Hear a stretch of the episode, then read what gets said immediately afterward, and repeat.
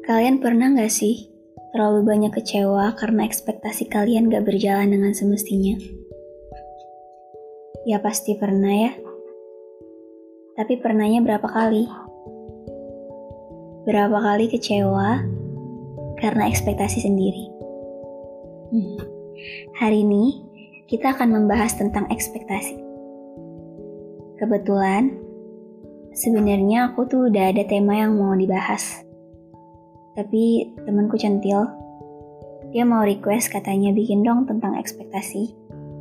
Makanya aku bikin ini. Dan menurutku, ekspektasi ini adalah salah satu masalah yang relate di kehidupan kita sehari-hari. So, apa sih yang terbesit dalam pikiran kalian kalau membahas tentang ekspektasi? Pasti tentang harapan-harapan yang sebenarnya belum bisa terjadi kan? Atau tentang sesuatu yang belum tentu bisa kita dapetin. Bener nggak? pasti bener. Karena emang pada dasarnya manusia itu pasti punya harapan terhadap sesuatu. Apa pun itu.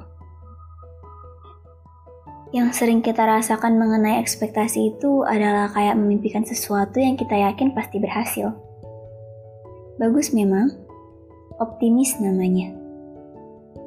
Tapi bukannya berharap terlalu tinggi itu akan menimbulkan suatu kegagalan.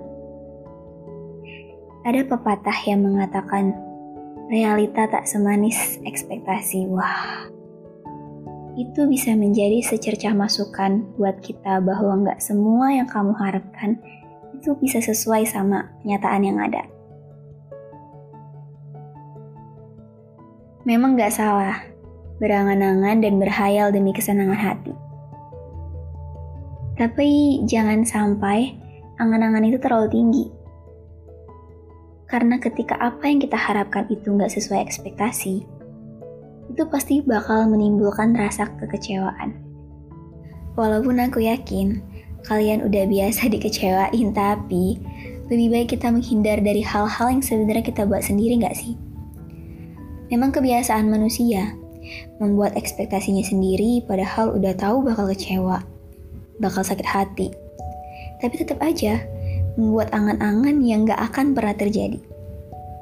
Hmm, tapi setelah mendengarkan podcast ini, aku berharap kalian semua bisa sadar bahwa bukan kenyataan yang pahit, tapi ekspektasi kita saja yang terlalu manis. Terima kasih telah membagi waktunya untuk mendengarkan cerita yang kami berikan. Bye bye.